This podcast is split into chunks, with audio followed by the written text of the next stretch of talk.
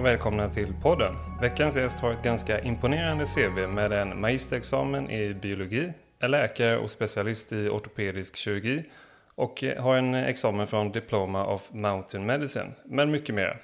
Och nu är han även eh, som gäst här i Prehospitalpodden. Välkommen Henrik Hedelin. Tack så mycket.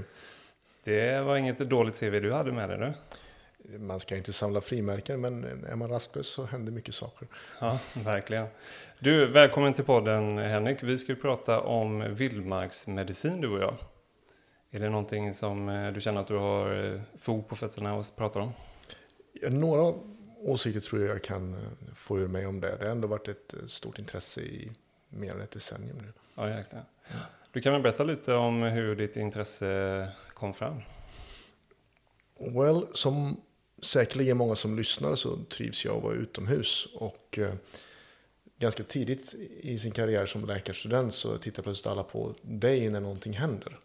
Eh, och när man tittar noggrannare på ämnet så upptäcker man att det finns mängder av folk med åsikter men ganska få som faktiskt verkar kunna någonting om det. Så jag gjorde vad jag kunde för att ta reda på vilka det var och sen försöka lära mig därefter.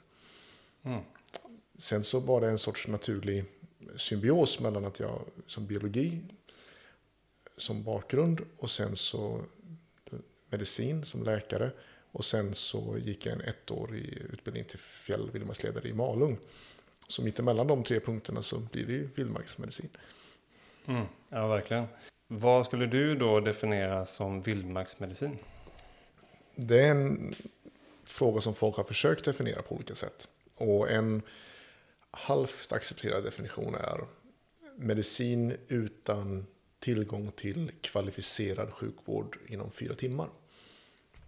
Och eh, det är givetvis helt arbiträrt. Men det betyder ju till exempel att en ambulans är inte vildmarksmedicin, för det är kvalificerad sjukvård. En ambulans är egentligen ett rullande litet sjukhus på många sätt.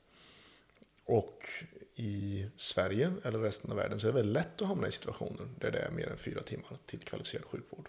Om du kitesurfar i skärgården och kraschar mot en kobbe så kan jag lova dig att du inte är i en ambulans på fyra timmar. Eh, eller om du klättrar i Utby alldeles här i Göteborg och trillar på en hylla och bryter lårbenet så kommer du inte heller vara i en ambulans inom fyra timmar. Inte ens under de bästa förutsättningarna. Så det låter exotiskt med vildmarksmedicin och folk tänker Himalaya eller namibiska öknen. Men, men det är väldigt lätt att hamna i sådana situationer. Mm, ja, verkligen. Eh, du pratade lite förut om att du, du letade efter lite kunskaper vad som var vildmarksmedicin. vilka aktörer var det du hittade då? Det där tog mig flera år att få ens ett översiktligt grepp om. För det finns eh, så himla många aktörer och det finns, om man söker på nätet så får man alla möjliga träffar numera. Men det finns några, några stora spelare. Eh, och den som nog är störst skulle jag säga är Wilderness Medical Society som är en eh, USA-baserad organisation. Mest med läkare men även eh, paramedicals etc. Och de har både kurser, utbildningar och konferenser etc. Så det är kanske den, den första go-to jag skulle säga för bra information. De publicerar dessutom i sin utmärkta tidskrift eh, Journal of Wilderness and Environmental Medicine mm, massa roliga artiklar. Men framförallt kanske då konsensusdokument då ett gäng experter går ihop och, och sammanfattar vad man vet till exempel om hypotermi, prevention prehospitalt. Eller i vildmarken för att vara ännu noggrannare. För vildmarksmedicin är ju pre-prehospitalt. Ehm, och, eller hur, hur ska man tänka med misstänkta nackskador i vildmarken? För vi kan inte tänka på det som man gör vid en trafikolycka. Som en ambulans kommer fram till. För det är helt olika situationer. Och sen publicerar den tidskriften också massa underbara, roliga case reports som uh, unique report from a giant water scorpion bite in the Amazon basin etc.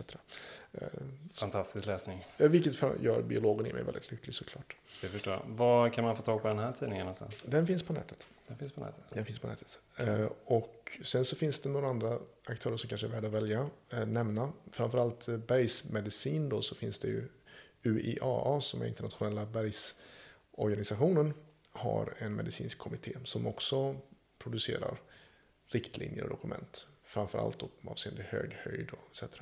Mm. Finns det några svenska varianter som du kan rekommendera? I Sverige så finns det ingen enhetlig organisation. Den ambitionen har funnits i mer än 15 år eh, som, som jag har varit inblandad. Men vi är inte så många. Man kan räkna det på, alltså det, det är inte mer än 30-40 stycken som aktivt arbetar med det skulle jag säga. Mm. På läkarsidan i varje fall. Eh, men det finns väl några företag som sysslar med det. Men det finns ju mer kurskoncept som finns världen över. Och de drivs ju då ofta av olika organisationer. Så den bästa vägen in är antagligen att gå ett antal kurser. Helst för olika aktörer så man inte hamnar i någon sorts eh, dogm hos någon. Nej. Eh, kan du berätta lite om din väg, eh, vilka kurser du har valt att gå? Oj, um, jag har gått de flesta jag hittat. Aha, okay. um, det finns, Wilderness Medical Society har ett fellowship-program som går över fyra år. Då man ska samla ihop eh, x antal poäng genom att gå kurser och vara på konferenser och läsa artiklar etc. etc. Så det har jag gjort. Och vi är några stycken, jag tror det är två eller tre i Sverige som har gjort det. Mm. Det är väl 200-300 i världen. Um, så det, om man är mer ambitiös så är det definitivt värt att göra. Även om det kostar en slant och tar lite tid. Uh, det finns en ett företag i England som het, förut hette Expedition Medicine som nu har bytt namn till Extreme Medicine tror jag. Eh, de har också en del kurser som jag tycker är värda att gå om man vill hålla sig närmare Sverige. Mm. Det finns, eh, för, nu pratar jag för sjukvårdspersonal mest. I Cermat så har de kurser i bergsmedicin och alpländerna är väldigt duktiga på det. Men det är väldigt nischat bara på det. För läkare så finns eh, Diploma in Mountain Medicine som är ett eh, internationellt kurskoncept som eh, är sammanställt dels av UIAA och sen eh, ISMM som är läkarorganisation för höghusmedicin och sen ICAR som är eh, Lift organisationernas sammanslutning. Så de står alla tre bakom den, det kurskonceptet. Det finns både i USA och Kanadas hela Europa och även i Nepal. Jag har varit nere i Nepal som gästinstruktör för dem. Och kurskonceptet är lite annorlunda. Men det är väl värt att gå. Och jag var med tillsammans med norska kollegor och några svenska kollegor och startade upp en skandinavisk DIM. Och den körde vi i tre vändor tror jag. Men det ligger lite på is nu mest av organisatoriska och ekonomiska skäl. För det var svårt att eh, inte gå back helt enkelt när vi höll de kurserna. Det förstår Det, det är mycket som ska planeras. Det är mycket som utrustning som kan behövas kan jag tänka mig. Det är stora kostnader på det. Ja, och framförallt om man ska hålla nivå på kursen så får man ju få in instruktörer. Och en av mina käpphästar är ju att en bra, bra praktisk utbildning kräver en, ett lågt antal elever per instruktör. För om man ska lära sig skills så måste man använda händerna. Och ska man använda händerna så får det inte vara för många elever per instruktör. Nej. Ja, för du håller ju egna kurser också, har jag förstått. Ja, jag har gjort det. Ehm, förutom DIM då, som jag var med, eller Scandim som jag var med som instruktör och sen i Nepal så ehm, var jag med och införde i Skandinavien AWLS som är Advanced Wilderness Life Support som är en amerikanskt koncept. Och det har vi också hållit en handfull kurser av i Skandinavien. Men det var några år sedan det hölls sist. Mm. Ehm, och under tiden så har jag ju hållit kurser själv för läkare och lekmän och sjuksköterskor och mm, så här, klätterinstruktörer och alla möjliga sorters kategorier. Men eh, oftast så använder jag inte till exempel AWLS-etiketten. Eh, för det betyder bara att man måste köpa hela deras koncept och betala en avgift till USA, vilket höjer kursavgiften, vilket jag inte tycker någon är betjänt av. Sen tror jag att kanske de flesta svenskar inte är lika intresserade av att lära sig om skallerormar Eh, som de är om svenska förhållanden. Nej, det gäller ju det att man anpassar utifrån kunden och vart den befinner sig kan jag tänka mig. Ja, precis. Mm. Och andra aktörer som jag bör nämna i vildmarksmedicin är att eh, SLAO, Svenska liftorganisationernas förening, de har en kurs för, dels har de en backläkarkurs för de som ska jobba i backen som läkare. Och sen har de en kurs för pistörer, alltså skidpatrullen. Och jag har gått bägge de kurserna. Och eh, om man har lite mer tid och vill spendera tid på skidor så är faktiskt eh, skidpatrullkursen väldigt bra. Framför allt. Eh, för då lär man sig väldigt mycket praktiska saker. Hur gör man HLR 45 graders slutning? Hur transporterar man någon i en pulka? Mängder av sådana här hands-on-grejer som, eh, som man inte är van vid att springa in i. Det här är verkligen extrema tillstånd här kan jag tänka Ja, men och det finns ju folk där som har jobbat med det där i 30 år som har massa knep som man kan lära sig. Mm. Ja, verkligen. Men vi kan väl prata lite mer om de här kurserna du håller. Du, du berättar ju att du håller både för vanliga professionella inom sjukvården men också lite lekmän. Eh, hur stor skillnad är det på de kurserna du håller emellan dem?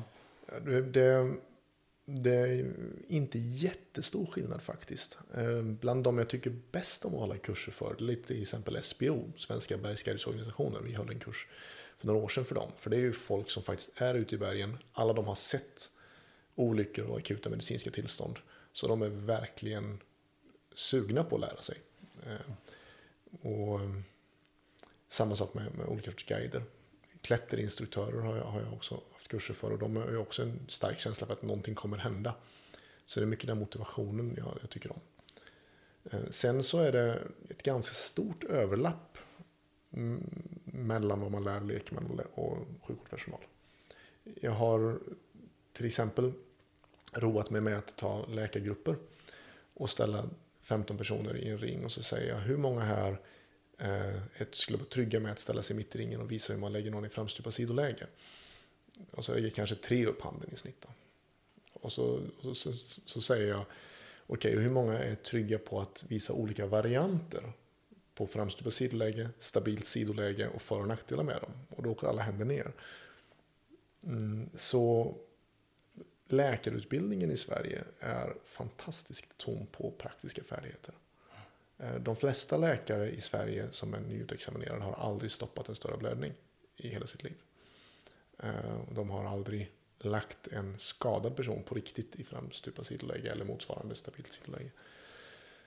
Eh, så det finns stora glapp där. De kan allt om, eh, om biokemi och de kan allt om blodtrycksreglering men det finns jättestora luckor på saker som, som din yrkeskategori hanterar mycket oftare.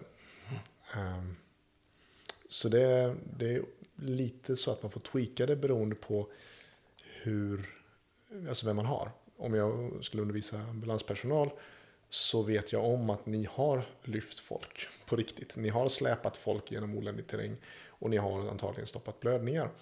Så då kan man ta det på en annan nivå och diskutera för och nackdelar med olika metoder. Men på läkarnivån så är det först när man måste överhuvudtaget bekanta sig med de olika metoderna. Eh, läkare till exempel, de är ju vana vid uppe på, på akutrummet. Eh, och då kommer någon in och så säger någon så här. Det här har varit ett fall från sju meter. Har patient, kan du fria nacken? Läkaren säger nej, jag kan inte fria nacken. Går inte enligt nexuskriterierna. Och eh, ja, då behåller vi en, nu har det ändrat sig lite grann, men på med den här nackkraven får absolut inte av. Och sen ska de inte CT och så ska allting gå enligt ett visst mönster. Men som du som jobbat prehospitalt vet, alltså när man kommer fram till någon som har fallit fem meter så ligger de gärna halvt upp och ner på mellan fyra stenblock. Va? Och processen med att få dem från att ligga halvt upp och ner på mellan tre stenblock till att få dem att överhuvudtaget ligga på rygg. Den processen är ju aldrig helt immobiliserad, hur man än gör. Den är mer eller mindre immobiliserad. Så att om man sätter en grupp läkare på ett, i ett scenario och säger att den personen har trillat fem meter. Det krävs otroligt mycket stress på dem innan de får för sig att flytta personen överhuvudtaget. Eh, även om det är mitt i vintern. Eh, även om jag har en kollega som börjar slänga ner snö på dem från ovanifrån. Så att säga, ja, nu verkar komma en lavin här snart alltså. Även om det är åskoväder och blixtrarna slår ner. Så, så, så är det, ah, nacken alltså. Och det säger jag som ortoped. Mm. men, men ehm, då är frågan, okay, hur flyttar man någon med nyckelskada? Hur gör man det bäst? För bra kommer det inte bli. Men hur gör vi det bästa möjliga? Mm. Ehm, Sådana dilemman. Är kul att sätta folk i. Medan jag skulle sätta bergsguider och kanske ambulanspersonal i andra dilemman. För det dilemmat jag just sa är ni mer vana vid. Verkligen. Och eh, det är nog din upplevelse då att det är svårt för dem att ändra sitt mindset eh, att, att komma till den graden att de faktiskt gör de här snabba, eh, lite taktiska omhändertagandena. Ja, jag, det är svårt att ändra mindsetet. Och sen, men på en tredagars kurs brukar det hända rätt mycket. När man stressar dem lite. Mm. Eh, och det är ju det man vill bli. Man vill bli stressad man, på en kurs. För en kurs är ju till för att göra fel då och inte sen. Eh, sen ibland slås pendeln för, lågt, för långt med det och, och, att då struntar de helt i saker. Som, är, som att bara för att det här inte är det viktigaste så kan vi inte skita i det. Till exempel nacken. Mm. Vad, vad, är det för deltagare som söker sig till dina kurser? Har du, ser du någon gemensam nämnare där? Ja, det, det är i huvudsak två grupper. Den, den eh, mindre gruppen som kanske är 30-40 procent det är de specialister eller mer erfarna läkare som, um, har, som har ett genuint friluftsintresse och eller har blivit satta i situationer där de märker att de inte kan. Mm, och sen är det en mycket större grupp som är läkare precis i början av sin karriär, AT-läkare eller, eller Eh, nyläggade läkare som känner att de har ett, ett hål. I, för att de inser att de inte är så mycket nytta med en trafikolycka om de skulle stanna bilen. Till exempel. Och så finns det en, en liten grupp som, som eh, faktiskt vill jobba som expeditionsläkare eller liksom ta det vidare längre. Mm. Mm. Hur ser arbetsmarknaden ut just nu för expeditionsläkare? Hur, hur kommer man in på den eh, branschen? För att komma in på branschen ska man nog börja med att gå lite kurser. Och sen så brukar jag rekommendera att börja smått. Börja med att vara läkare på Göteborgsvarvet. och sen när du har varit där så kan du vara läkare på en extremskidåkning i Norge. Och när du har gjort det så kan du kanske gå vidare och vidare. Ehm, problemet med expeditionsläkare är att det, det, är lite slarvigt hur olika expeditioner rekryterar läkare. En del rekryterar läkare som att ja, men en läkare är en läkare. Och så kan de få en specialist i hudmedicin till, eh, till yttre Kazakstan. Och det är ju farligt såklart. Och om då den expeditionsläkaren inte fattar vad de inte fattar så, så, så åker de med på det. Eh, och andra aktörer har ganska eh, strikta krav. Så det, ett tips är också så här, åk inte på någonting du inte är trygg med. För du måste kunna försvara vad du gör. Bara för att det är att du är i vilda västern behöver du inte, betyder inte att du får bete dig så. Mm. Och sen är det ju hela det här enorma trasslet med det medikolegala i olika länder. Ja, för det där måste ändå vara, man kan väl inte bara ta med sig läkemedel hur som helst om man åker till olika länder, utan det där måste väl regleras inom landets gränser på något sätt? Ja, det finns papper man kan eh, skriva under. Ja. Om man till exempel ska ta med sig opiater in i ett land, då ska man ta med sig papper och fyllt i förväg etc. etc. Som sidospår kan jag nämna att ett problem är att ofta vill de ha en läkarlegitimation och vi i Sverige har ju ingen läkarlegitimation, alltså som ett kort eller sådär. Vår läkarlegitimation har vi ett papper som man fick när man tog, eh, fick legitimationen som man har i, i bankfack eller liknande, så i ett exemplar liksom. Det är ingenting man har i fickan. Um, det kanske vore någonting för Socialstyrelsen att införa kanske? Ett litet kort för sjuksköterskor och läkare? Läkarförbundet gjorde ett försök att skriva ut eh, ID-kort med, som läkarlegitimation. Mm. Med en stämpel så att säga. Som, men, men det lyfte aldrig eller blev aldrig, eller slutades med av något skäl jag inte vet. Nej. Mm. Ja, eh, sen då på de här expeditionerna, det, jag kan förstå att det är olika utifrån vart i världen man befinner sig. Men vad skulle du säga är de vanligaste olyckorna och skadorna som man kan träffa på som expeditionsläkare?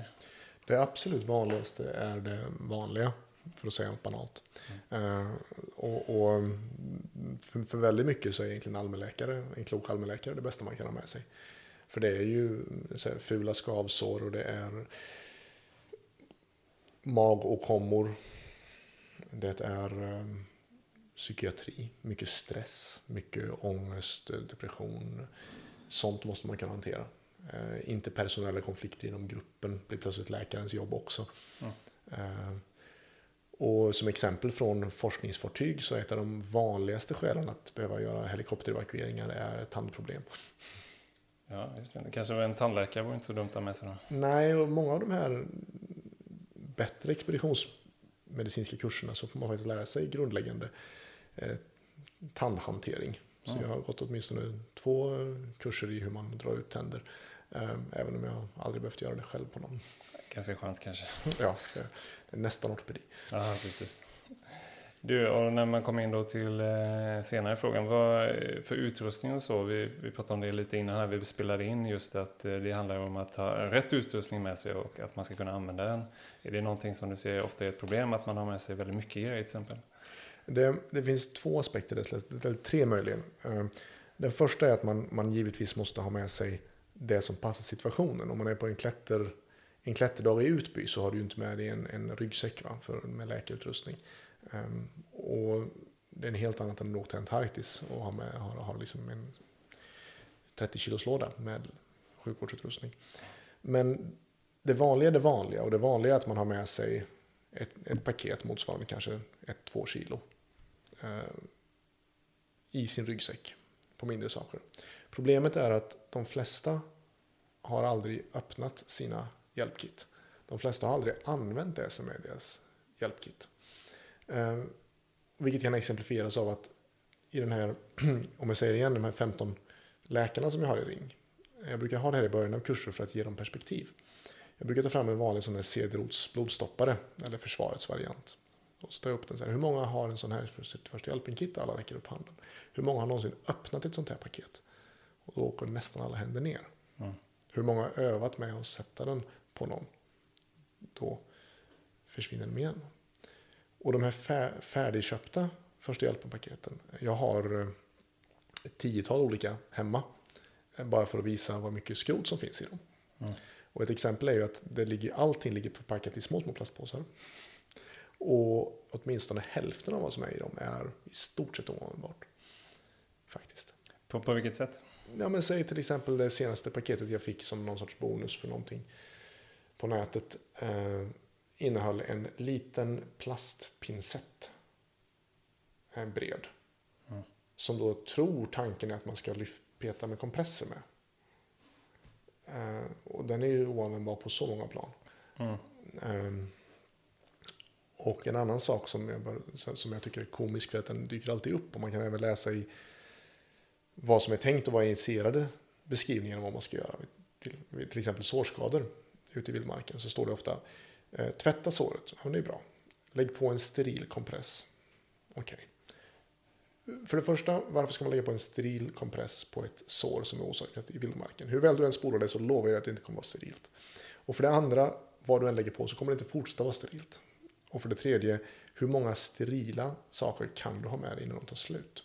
Det ska givetvis vara rent, men sterilt lär det ju inte vara. Um, och det är sådana saker som, som går under radarn förrän man faktiskt står med sakerna i händerna och inser vilken skillnad det är. Mm. Ja, verkligen. Det, jag kan bara se själv när man ska köpa sådana här sjukvårdskit till exempel till bilen och sådär. Ofta är det ju bara sådana här små plåster som man får med sig. Det kanske inte är så användbart vid en större trafikolycka med en livshotande blödning till exempel. Nej, absolut. Och det, du frågade om tips och det, det kanske, man ska tänka på två saker man ska ha med sig. Man ska ha med sig saker för det vanliga och för det allvarliga. Det som är i mitten kommer vi aldrig kunna täcka upp för, för det är så mycket. Och bland det vanliga då så är det klassiskt till exempel skoskav. Eh, har du inte med dig ett skoskavs, alltså många skoskavsplåster så är det en mission kill för en resa där man ska gå. Och det kommer bli mycket större problem för dig som ansvarig sjukvårdsperson om du inte har mycket skoskavsplåster. Och sen på det allvarliga, man ska kunna stoppa en allvarlig blödning. Du måste ha saker för luftvägar. Man kan diskutera för och nackdelar med kantareller och, och eh, svalltuber. Men du kanske måste lämna någon för att larma eller hämta något eller slå upp ett tält. Eh, och då kan det vara livräddande eller extremt användbart i vissa situationer. Men, eh, men tänka på det, det vanliga och det allvarliga. Och sen tredje, att aldrig ta med något du inte provanvänt. Med några få undantag. Till exempel en adrenalinautoinjektor om du har det. Så. Och den tredje saken jag skulle säga om eh, utrustning är att det finns en sorts fascination över väldigt fancy prylar. Eh, till exempel finns det, kan man köpa konjutomikit på nätet. Eh, och de flesta erfarna narkosläkare har gjort en eller två nödkonjutomier under hela sin karriär. Så vanligt är det. Eh, och du kommer garanterat inte ha provanvänt just det kittet. Eh, så det är kanske en dum sak att ha med sig, det kommer väl långt ner på listan. Eh, och en bra princip för prylar är att nästan allt du har med dig ska gå att använda till mer än en sak. Mm. Ett, ett, bra exempel är glapack som jag alltid har i, mitt, i, mina paket som är större än det minsta. Mm. Man sågar av vanlig köksglapack på mitten så får man en rulle. Den rullen går att ha till jättemycket saker. Ja, verkligen. Mm. Tourniquet, är det någonting du har med dig? Det är en intressant fråga. Jag har varit med på resan där. Jag var i Irak 2006 och forskade på minskador. Och de jag var där med då, de, de var motståndare mot tourniquet. För de hade sett att eh, på deras material på 3000 minskador, så de som hade fått en improviserad tourniquet, så ökade dödligheten. Mm. Eh, nu har ju de senaste krigen i Irak och sådär visat att det är bra med en tourniquet. Men min eh, käpphäst där är, nu pratar vi vildmarksmedicin igen. Nu pratar vi inte eh, taktisk stridsmedicin. Eh, för det är ju det studien är gjorda på. Och då är det tänkt att någon blir skjuten i benet och du har en kamrat som slänger sig över dig och sätter på en tourniquet. Då är det jättebra att sätta på en tourniquet. Penetrerande våld, stora kärl, extremiteter. Superindicerat. Det är jag helt för. Men detta är vid katastrofala blödningar. Och om du kommer fram till någon efter 20 minuter och de sitter upp och pratar med dig så har de inte katastrofal blödning. För då hade de inte suttit upp och pratat med dig. Och jag känner att torniken, som jag alltså stödjer i många fall, får inte vara en, ett substitut för att kunna stoppa en blödning. Och eftersom de flesta av oss ser större blödningar väldigt lite så lär vi oss inte stoppa stora blödningar. De flesta läkare har aldrig packat ett akut blödande penetrerande sår. Och om man aldrig gjort det så är det klart man tar till tourniqueten. Mm. Och det kanske, och det kanske är bra. Men sen är du ute i börsen och det är åtta timmar till sjukhus. Och då har du offrat benet. Och då får du vara beredd att ha gjort det. Eh, så. Ja, det känns ju, det har man ju sett ofta att tourniqueten slängs ju på lite hejsan svejsan ibland också. Även fast det inte är kanske en katastrofblödning, en artärblödning så används det ju väldigt frekvent. Där man istället kanske skulle kunna använda tryck på. Tryck eller packning beroende mm. på sårets art. Mm. Skärsår ska ju ha tryck och, och penetrerande djupa sår ska ha packning. Um, men ja, jag har en tourniquet i mitt mellankit och mitt större kit. Apropå det jag sa förut, det vanliga och det allvarliga. Mm. För om jag kommer till situationen att en tourniquet behövs så är min inställning att en improviserad tourniquet i allmänhet inte fungerar. Alltså är det nödfall så är det nödfall. Men kan man låta bli så, så är det bättre att ha en för ändamålet dedikerad tourniquet. Mm. Um, det, och det här med katastrofala blödningar är väldigt spännande. Och jag var i Jemen och jobbade och då såg jag bara skottskador i en månad. Uh, och då fick jag tvivelaktiga nöjet att öva på att stoppa blödningar. Mm. Och väldigt mycket går att stoppa med, med rätt teknik som jag då lite akut fick lära mig. Så att säga. Eh, för där var det kanske inte medicin men om det var jag själv med tre AT lokala AT-läkare och vi fick in 20 skador på en timme och vi har en narkosläkare så blir det ju medicin på ett sätt för att vi måste prioritera dem. Mm. Sätter man då på en tourniquet på ett ben. Ja, vi vet ju inte när vi får något gjort åt det här. Nej. Sen kommer hela diskussionen in med att släppa på tourniqueten med vissa intervall. Man kan sätta på en tourniquet, packa såret, släppa på tourniqueten och alltihopa. Men det, är en mycket större diskussion som tros är eh, som jag skulle kunna sitta och monologa om eh, genom hela podden, så det ska vi inte göra. Nej, nej men precis. Ja, min upplevelse är ju just när man ska i alla fall packa sårhål är ju att man inte ofta är beredd på faktiskt hur mycket material man måste använda för att packa en sårhåla. Det, det räcker ju inte med en liten kompress för det inte. Helt enig. Eh, och man måste ha en rulle av något. Mm. Som man, det är det första misstaget folk gör. Mm. Eh, sen har jag sett ett exemplar, det, det finns en, en militär eh, elak klämma också som jag har sett uppvisad men inte använt skarpt. Nej, det är den här som fäster i båda hudflikarna. Precis, eller huden. Ja. som då ska vara någon sorts komplement till det här. Mm. Den ser ut att göra jäkligt ont i alla fall. Precis, men, men som jag brukar säga så är att, att Eh, vi ska vara så humana vi kan men inte men så lite humana som, alltså som vad, vad som krävs. Mm. Vi ska undvika smärta för det är farligt, inte bara elakt men också farligt med smärta. Men, men om de förblöder så är det ännu sämre. Mm, ja, verkligen. Mm. Om man tänkte lite på mediciner och sånt där, har du några rekommendationer vad man bör ha med sig ut i, i fält om man ska ut och vandra till exempel? Ja, det, ut och vandra är svårt. Alltså, det handlar alltid om vilken, vilken grupp du är med. Vem har du att göra med? Och där kommer ju en annan väldigt viktig del av pilgrimsmedicin och det är Know your group. Du måste veta vilka du har med dig. Har du med dig en 65-årig eh, person med tidigare hjärtsjukdom så är det nog väldigt klokt att ha med sig nitro eh, och sådana mediciner. Mm. Eh, Medan däremot om man har ett gäng unga friska personer som ska syssla med forsränning eller fri soloklättring så, så får man ju fokusera på det. Men, men om du säger vandring så kan jag säga att du garanterat kommer att hantera både skoskav och förstoppning och sånt. Mm. Och ha med mediciner för det. Um, och då är ju risken för ett större trauma väldigt liten. Um, det kan faktiskt vara värt att i nästan alla fall ha med sig uh, lite stesolid eller någon annan, någon annan uh, bensodiazepin för olika former av ångesttillstånd, oro eller sånt där är inte helt okänt. Det finns också beskrivet av en kollega som, som uh, hade en, eh, en gruppdeltagare som fick delirium för att han slutade dricka. Ah, det fanns inte tillgång till alkohol då i fält? Precis. Mm. Och då stesolid igen då kan mm. ha, ha en plats. Eh, en annan sak är att astmamediciner kan vara bra att ha. Eh, och då lämpliga mediciner för anafylaxi. Inte för att det är så vanligt, det är väldigt ovanligt att det skulle hända på en tur. Men om det händer så är det då det behövs. Va? Mm. Och då tänker jag både antihistamin och betapred och eh, adrenalinspruta. Mm. Och på den noten så vill jag också säga att det är typiskt som det är medicinsk färdighet att adrenalinsprutor, autoinjektorer som man har i förlåret, de innehåller två eller tre doser. Men de ger bara en. Ehm, så man kan skära isär en autoinjektor. Och i den ligger en spruta. Där det finns kvar adrenalin.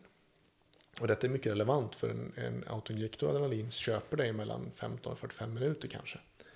Ehm, och många anafylaxier kommer tillbaks. Det finns en underbar artikel skriven av min eh, kompis Susie som är akutläkare i England om ett fall i Costa Rica där det var en tjej som blev stungen i rumpan av en geting och fick anafylaxi mitt ute i djungeln. Och de gjorde slut på hela sitt adrenalinförråd. De var ändå en grupp läkare som gick en kurs i djungelmedicin det här. Eh, Medan de stövlade genom djungeln ut till närmaste väg över flera timmar. Mm. Och det var precis på håret att de fixade det. Mm. Så då kan sådana små tricks spela stor roll. Ja, verkligen. Och det, där måste man verkligen känna till sin utrustning som jag pratat om tidigare där. Att man, man, har koll på sina grejer. Även kanske då om det blir mörkt till exempel. Att man vet exakt var sina grejer ligger i väskan och så. Absolut. Och det, det apropå första hjälpen-utrustning igen. Det blir så möjligen ett spretigt samtal. Men det som ligger överst i, min, i mina väskor är ju alltid en pannlampa. Mm. Så en, att inte ha en pannlampa eller en Leatherman är att be om problem. Mm. För de kommer du alltid använda bägge två. Mm. Eh, inte bara när det är mörkt utan även om du ska titta på ett eh, sår i ett tält eller någonting. Ja, eh, jag vet ju Henrik att du har varit på ganska många expeditioner, lite olika ställen i världen sådär. Har du någon expedition som du skulle kunna tänka dig att berätta lite om, som du kommer ihåg sådär extra speciellt? Ja, det, det, expeditioner och, och biståndsarbeten tenderar ju att generera eh, anekdoter. Jag ska inte trötta er med för många. Um, men, men senaste jag var på Antarktis med eh, Polarforskningssekretariatet i två månader. Ehm, och det var lärorikt och bra. Jag kan kanske inte ta några patientfall så att säga av sekretessskäl. Men, men ehm, det är som alltid inom vildmarksmedicin så att logistik är ofta svårare beslut än de medicinska besluten. Jag menar, säg om någon får ont i bröstet och det kan vara en instabil angina. Jag menar, här är det inga problem, skicka in något till sjukhus. Men om man är på Antarktis så skulle det innebära en minst, alltså i optimala förhållanden, 30 timmars evakuering för 2-3 miljoner kronor. Um, och då är ju frågan, när gör man det? Och är det sen en snöstorm så, så kan du lika gärna glömma det. Vilket kanske gör beslutet lättare för att då kan du bara göra det du kan. Mm. Vad upplevde du att det var mycket kylskador och så, frostskador?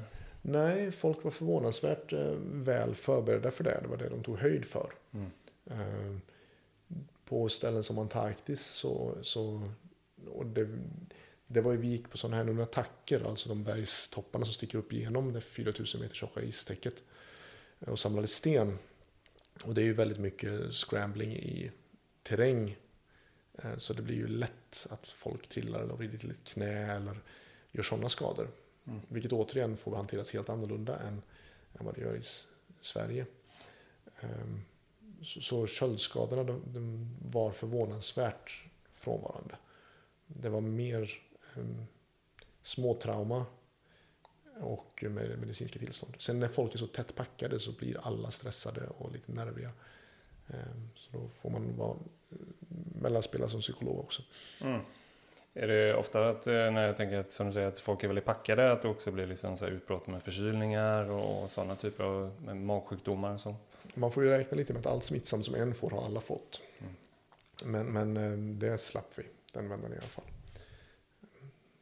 Det var bra. Det, en sak som jag hade med mig då som jag tror kommer vara en sak som kommer glida mer och mer in både i prehospitala men även Wilhelmsmedicinen är saker som att vi hade med oss ett, ett portabelt ultraljud. En väldigt liten ultraljudsapparat som går att använda till förvånansvärt mycket. Men som är allt annat. Ungefär som att man måste prova att skära isär sin adrenalinspruta som har gått ut för att se hur det funkar. Eh, så måste man använda ultraljudet. Mm. Och precis som jag sa förut, fatta det man inte fattar. Ja, om jag lägger ett ultraljud på ett hjärta kan jag säga att det slår. Och jag kan säga att det inte har någon vätska i perikardiet. Men mycket mer än så ska inte jag uttala mig om, för det kan jag inte. Ja, Henrik, men vilka då kunskaper och färdighetsbrister är det som du märker framförallt när du är, lär ut och är ute på expeditioner? Det är ofta de små enkla sakerna som vi tar för givna. Om någon kommer in på ett akutrum eh, så är de oftast i allmänhet uppkopplade. Men om någon ligger i ett tält med en smattrande duk och man ska veta om de överhuvudtaget andas så är det plötsligt väldigt svårt. Eh, de flesta har aldrig med sina egna sinnen fått bedöma om någon andas. Och det kan vara en ganska lärorik upplevelse att sätta någon i en väldigt stökig miljö. En, eh, en markör då. Och så ska be man någon kolla, andas den här personen? Om de fejkar kan fejka med bröstkorgen så att den rör sig, men de andas inte. Det är förvånansvärt svårt. Eh, och att då faktiskt lära sig små knep om hur man använder sina sinnen och att göra det. Våga lita på dem när man inte har en POX. Eh, och samma sak med eh, inom mitt fält, inom ortopedin. Så, så om man inte har en röntgen, man kan hitta förvånansvärt mycket med sina händer. Om man faktiskt känner efter och inte bara gör en ritual. Mycket av undersökning vi gör, gör man som en sorts jag ska göra det här, därför gör jag det. Och inte nödvändigtvis för att faktiskt hitta någonting. Och på samma sätt om man ska reponera en fraktur så man kan få en fraktur oftast väldigt fin genom att tycka att ja, men det här ser rakt ut. Och våga lita på sig själv i att det ser rakt ut. Mm, och samma sak med immobilisering av frakturer eller luxationer av något slag. Att om man gör någonting, bedöm då, blev det bra? För ja, men jag lärde mig på en kurs att man ska göra så här. Och så gör man någonting och så säger man, blev det bra då? Och då, då är inte frågan, gjorde du som du skulle? Utan frågan är, blev det bra? Eh, och att våga göra den bedömningen. Eh, säg att man har lagt en skena för ett underben eller en underarm eller någonting och så bestämmer sig för att ja, men nu är det här klart. Ja, men är det stabilt? För det är ju det som är syftet. Och på samma sätt med, med luftvägar. Okej, okay, men jag har gjort en chinlift eller en jaw thrust. Ja, men blev det bra? Eh, att göra den bedömningen och våga lita på den bedömningen. De färdigheterna går inte att läsa sig till. De färdigheterna måste man träna på. Eh, gärna med någon som kan det bra. Ehm, men, eh, men att göra det hands-on. Mm. Det är ju förvånansvärt många, många som säger överläkare anestesi som, som det var antingen väldigt sällan eller väldigt länge sedan de faktiskt var tvungna att lyssna om någon andades. På det sättet. Mm. Det, är, det är nästan så att vi har tappat utan, lite. Utan ett stetoskop. Ja, men precis. Ja, men det är nästan som att vi har tappat lite av vår eh, kliniska blick då kan man säga. Med alla hjälpmedel som vi ändå har genom den eh, vanliga sjukvården då med röntgen och provsvar och allting. Liksom. Man, man, tar bort väldigt många av våra trygghetstalismaner. Mm. Eh, och det är skräckenjagande mm. och väldigt utmanande. Och därför väldigt kul, tycker jag. Mm. Um, man blir reducerad ner till det man har i händerna eller ryggsäcken. Mm. Ja, det, övning är ju färdighet också. Så man behöver verkligen öva detta om och om igen kan jag tänka mig. Oh ja, eh, det roliga är ju att jag, jag lär mig någonting varje kurs jag håller och jag lär mig någonting varje kurs jag går. Eh, och jag lär mig saker av mina kollegor hela tiden. Eh, så det är, man, det är verkligen ett fält där man garanterat inte blir klar. För då måste du kunna allt inom medicins hela fält, i en helt ny miljö. Mm. Ja, Henrik, men eh, om du får säga lite om framtiden då. Hur tror du att eh, utvecklingen just av, eh, eller vad hade du önskat att utvecklingen var utav eh, vildmarksmedicin framåt här? Ja, det, jag spår att utvecklingen kommer bli ännu mer av det som redan finns, nämligen ett eh, totalt garnnystan av organisationer, certifieringar, utbildningar. Och det gör det ännu svårare att navigera. Min önskan skulle vara att det fanns mer standardisering. Jag är alltid emot centralisering, men mer standardisering av, av eh, vad man kan och vad det betyder att man kan det. Mm. Nästan alla aktörer hittar på sin egen förkortning för sin egen kurs. Eh, och så blir man Wilderness First Responder eller Advanced Wilderness First Responder eller något annat. Ehm, och det låter ju bra, men, men det är svåröversatt. Ehm, framförallt eftersom det finns så många olika länder som gör det. Mm. Du tänker att man ska använda något standardiserat eh, certifikat då på något sätt? Eller? Jag vet inte. Ehm, DIM är en bra grej. De som har gått DIM vet jag vad det står för.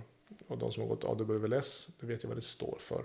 Sen är det inte nödvändigtvis det de ska kunna, men det är någon form av standardisering. Um, sen är många av de här kurserna bra.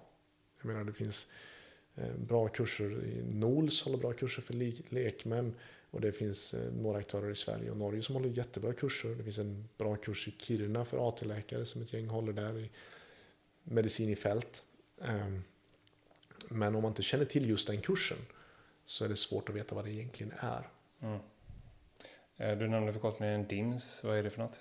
DIM? Ja. Diploma in Mountain Medicine. Ja, det var det vi nämnde mm. förut. Där. Mm. Precis. Eh, kan du berätta lite kort om den kursen bara? Jag vet ju att du har gått den. Eh, ja, den, den är, finns i olika varianter. Normalt går den över två till tre år. Eh, och är då två till tre delkurser utspridda över den tiden med studier däremellan. I Nepal så går den över en månad istället som en intensivkurs. Och de kör lite olika varianter på den. Men det är just bergsmedicin. Och då kombinerar man att repetera eller lära sig beroende på vad man är. Grundläggande färdigheter i rephantering och sådär. Så man kan kunna samarbeta med bergräddning eller helikopter. Med relevant medicinsk träning. I allt från hypotermi till trauma till höghöjdsmedicin. Ja, allt som är relevant i berg helt enkelt. Mm. Ganska krävande kurs kan jag tänka mig. Rolig framförallt. Mm. Men, men eh, det, och den är lite olika tyvärr i miljöerna då. Det är av förklarliga skäl helt annorlunda om man går den i Nepal eller om man går den i Norge. Ehm, men ehm, det är, det är bra för man utsätts för, för obekväma situationer. Skulle du ändå säga att vi har ganska dålig kunskap eh, inom vildmarksmedicin, men ändå med tanke på att vi är, lever i det landet vi gör, det är ändå, vi är ju ute mycket och vandrar och vi vistas mycket i naturen. Tycker du ändå att det finns en dålig kunskap i allmänheten? Så? Hos allmänheten så tror jag de flesta inte vet vad det är. Och i läkarkåren som jag kan tala mest för så är det, de flesta vet nog inte riktigt vad det är. När jag började med det här för 10-15 år sedan så var det ju när jag sa att jag sysslar med vildmarksmedicin så var svaret jaha, menar du johannesört och sånt eller? Ja, eh, naturmedicin då? Ja, men liksom en liten förvirring om det. Ja. Eh, och det är ju så om man inte vet vad ett fält innehåller så är det heller inte um, Alltså då vet man inte vad man inte vet. Um, och problemet med vildmarksmedicin tror jag är att, uh, att många tror att det är någon extrem grej. Va? Jaha, men då så innebär det att uh, du, man ska syssla med, uh, med Mount Everest-bestigningar eller whatever. Som om det för övrigt vore så extremt. De har en läkarstation på Basecamp numera.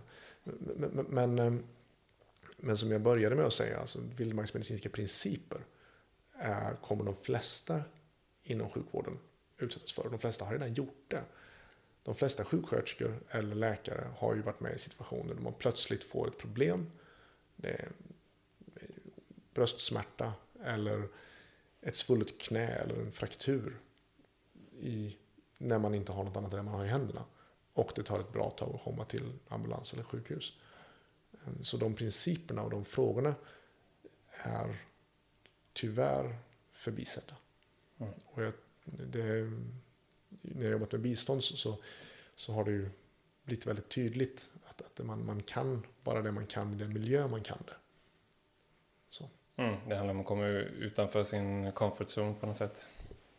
Ja, och att, eh, att lära sig att, att, att man ska uppnå principer och att de metoder man har lärt sig är metoder för att nå principen, inte metoderna i sig. Jag vet ju som sagt, vi har nämnt det här att du håller på med ditt företag där du även lär ut de här sakerna. Eh, om man skulle vilja hitta den, det företaget, vad letar man då någonstans? Um, mitt företag heter Outback Medicine Sweden. Det hittar man om man söker på det. Men jag vill eh, också slå ett slag för att det finns många andra minst lika kompetenta aktörer. Uh, som sagt, det är ett brett fält och olika människor kan olika saker. Ja. Samarbetar du med många olika individer? Jag försöker göra det. Uh, min inställning är att det här fältet uh, kan välkomna alla som är intresserade. Och vi få som jobbar i det brukar vara ganska... Eh, vi tävlar inte för det mesta utan vi, vi jobbar ihop istället. Mm. Många av oss har varit instruktörer på varandras kurser fram och tillbaka. Eh, och det är samma sak, det finns nätverk till England och alpländerna och USA med folk som håller på med det här. Vi är så få och vi delar ju samma intresse. Ja, men precis. Ja, och ni erbjuder även kurser till lekmän också? Ja, ja det händer att vi gör. Ehm, jag har försökt att profilera mig de senaste åren mer på sjukvårdspersonal av det enkla skälet att jag inte har tid att hålla för många kurser. Nej. Även om jag tycker om det. Det förstår jag. Är du på många expeditioner på också eller är det något som har... Nej, det, det, för det här året blev det ju tyvärr inställt då. Jag skulle åkt till Arktis på forskningsfartyg men det var ju coronan satte stopp för det. Mm. Annars är mitt mål att antingen åka på en expedition eller jobba med bistånd en gång per år. Och eh, om vi då har lite lyssnare här som eh, känner sig jäkligt sugna på att hitta lite mer information kring just vildmarksmedicin, hur tycker du att man ska gå tillväga då? Ja, det, eh, jag får den frågan ganska ofta, så jag skrev tillsammans med en norsk kollega en artikel i Läkartidningen för några år sedan. Som eh, om man söker på mitt namn Hedelin och vildmarksmedicin på Läkartidningen så hittar man den och där introducerar vi ämnet och där finns länkar till många av de större aktörerna. Um, och om man är mer intresserad av ämnet och så att säga förkovra sig i det så rekommenderar jag Wilderness Medical Societys hemsida och deras tidskrift eller eh, UIA. Det är så att säga kvalitetssäkrat. Sen finns det många kloka människor på många hemsidor etc. som säger bra saker. Men det finns också en del som freestylar. Eh, och som inte har lika mycket på fötterna. Så det är svårare att veta då. Ja, det gäller att sålla lite informationen och se så att de verkligen har på fötterna. Då. Precis, och det är alltid utmaningen. För så fort man rör sig utanför sitt eget fält så är det svårare att veta. Säg att jag läser någon som ger rekommendationer om hur man behandlar akuta ögonåkommor i vildmarken. Så är det ju svårare för mig att bedöma om den här personen säger vettiga saker. Än om man pratar ortopedi som jag kan mer om. Ja, tack så jättemycket Henning för att du har varit med i detta avsnittet. Vi har fått en liten eh, grundläggande introduktion skulle man kunna säga och väldigt många bra tips just till ämnet vildmarksmedicin. Det har varit superkul att ha dig med dig. Tack så mycket för att du bjöd in mig. Vi har fått ihop ett avsnitt här nu så att, eh, men jag hoppas ju såklart att du vill komma och hälsa på oss någon gång mer framöver. Ja, vi får se om det finns någon som vill höra mig prata mera. Det tror jag säkert. Eh, med tanke på all den kunskap du har så har du mycket att förmedla. Eh, det vet jag inte, men tack så mycket. Ja. Alltså att, eh, jag rekommenderar lyssnarna att gå in på din hemsida då och läsa lite mer och även via din artikel där då där man kan få massa bra länkar till alla de här aktörerna som vi har pratat om. Super. Ja. Tack. Tack så jättemycket och vi hörs i nästa avsnitt. Tack Niklas.